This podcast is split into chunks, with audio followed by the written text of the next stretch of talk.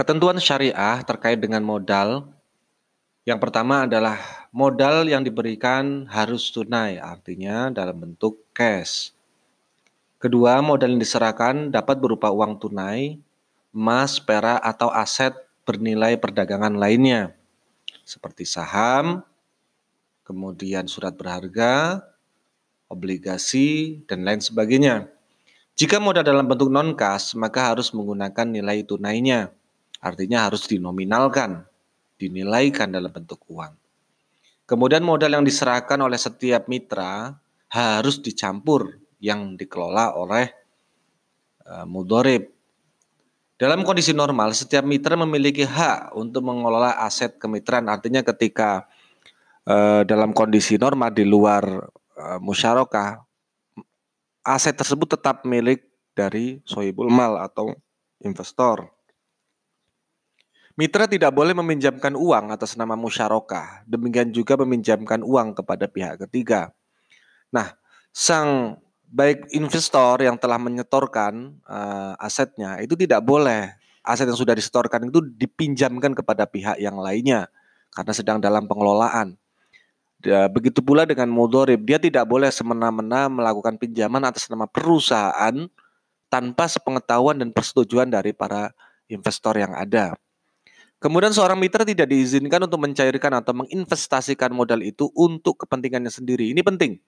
Walaupun tidak ada e, dalam perjanjian itu tidak boleh karena termasuk e, perbuatan yang tidak terpuji dan tidak beradab ketika dia sedang diamanai untuk mengolah sesuatu kemudian sesuatu itu dia pinjamkan atau dia cairkan untuk kepentingannya sendiri. Misalnya sebuah seorang mudorib atau pengelola manajemen menerima uh, gelontoran dana dari para investor untuk kepentingan usaha transportasi.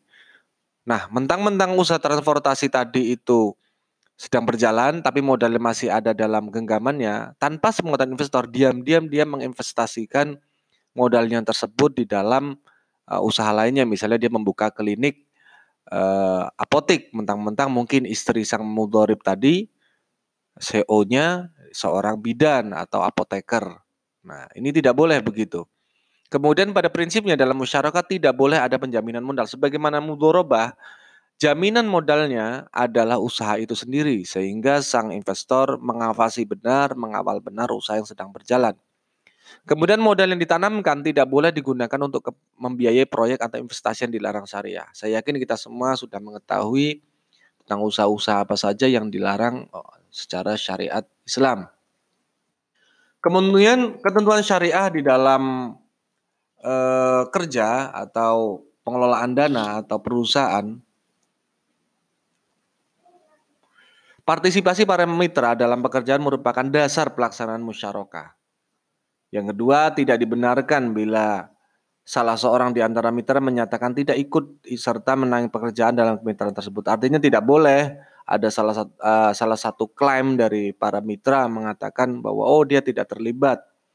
Tidak, selama sang investor itu melakukan penyertaan, maka dia merupakan bagian integral dari musyarakah tersebut atau dari perusahaan tersebut. Selanjutnya porsi kerja antara satu mitra dengan mitra lainnya tidak harus sama. Jadi tidak harus sama baik penyertaan maupun pekerjaannya. Setiap mitra bekerja atas nama pribadi atau mewakili mitranya. Artinya boleh dilakukan agensi itu boleh.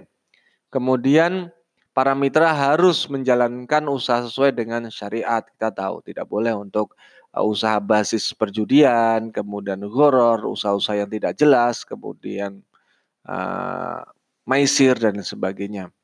Seorang mitra yang melaksanakan pekerjaan di luar wilayah tugas yang ia sepakati berhak memperkerjakan orang lain untuk menangani pekerjaan tersebut. Nah, seorang manajemen CEO itu bisa saja dia mempekerjakan orang-orang di luar uh, di luar sepengetahuan mitra, tetapi tetap sepengetahuan orang-orang di luar ringnya mitra, di luar jaringan mitra untuk mempekerjakan sebagai karyawannya sesuai dengan profesional yang ia miliki. Misalnya di bidang keuangan nanti dibentuk CFO, ada chef, finansial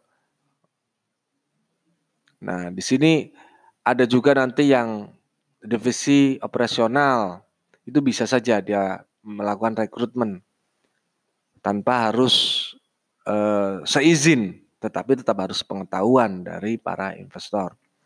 Jika seorang mitra mempekerjakan pekerja lain untuk melaksanakan tugas yang menjadi bagiannya, biaya yang timbul harus ditanggungnya sendiri. Ini nanti menjadi biaya atau bahkan nanti jatah porsi uh, nisbahnya dari manajemen.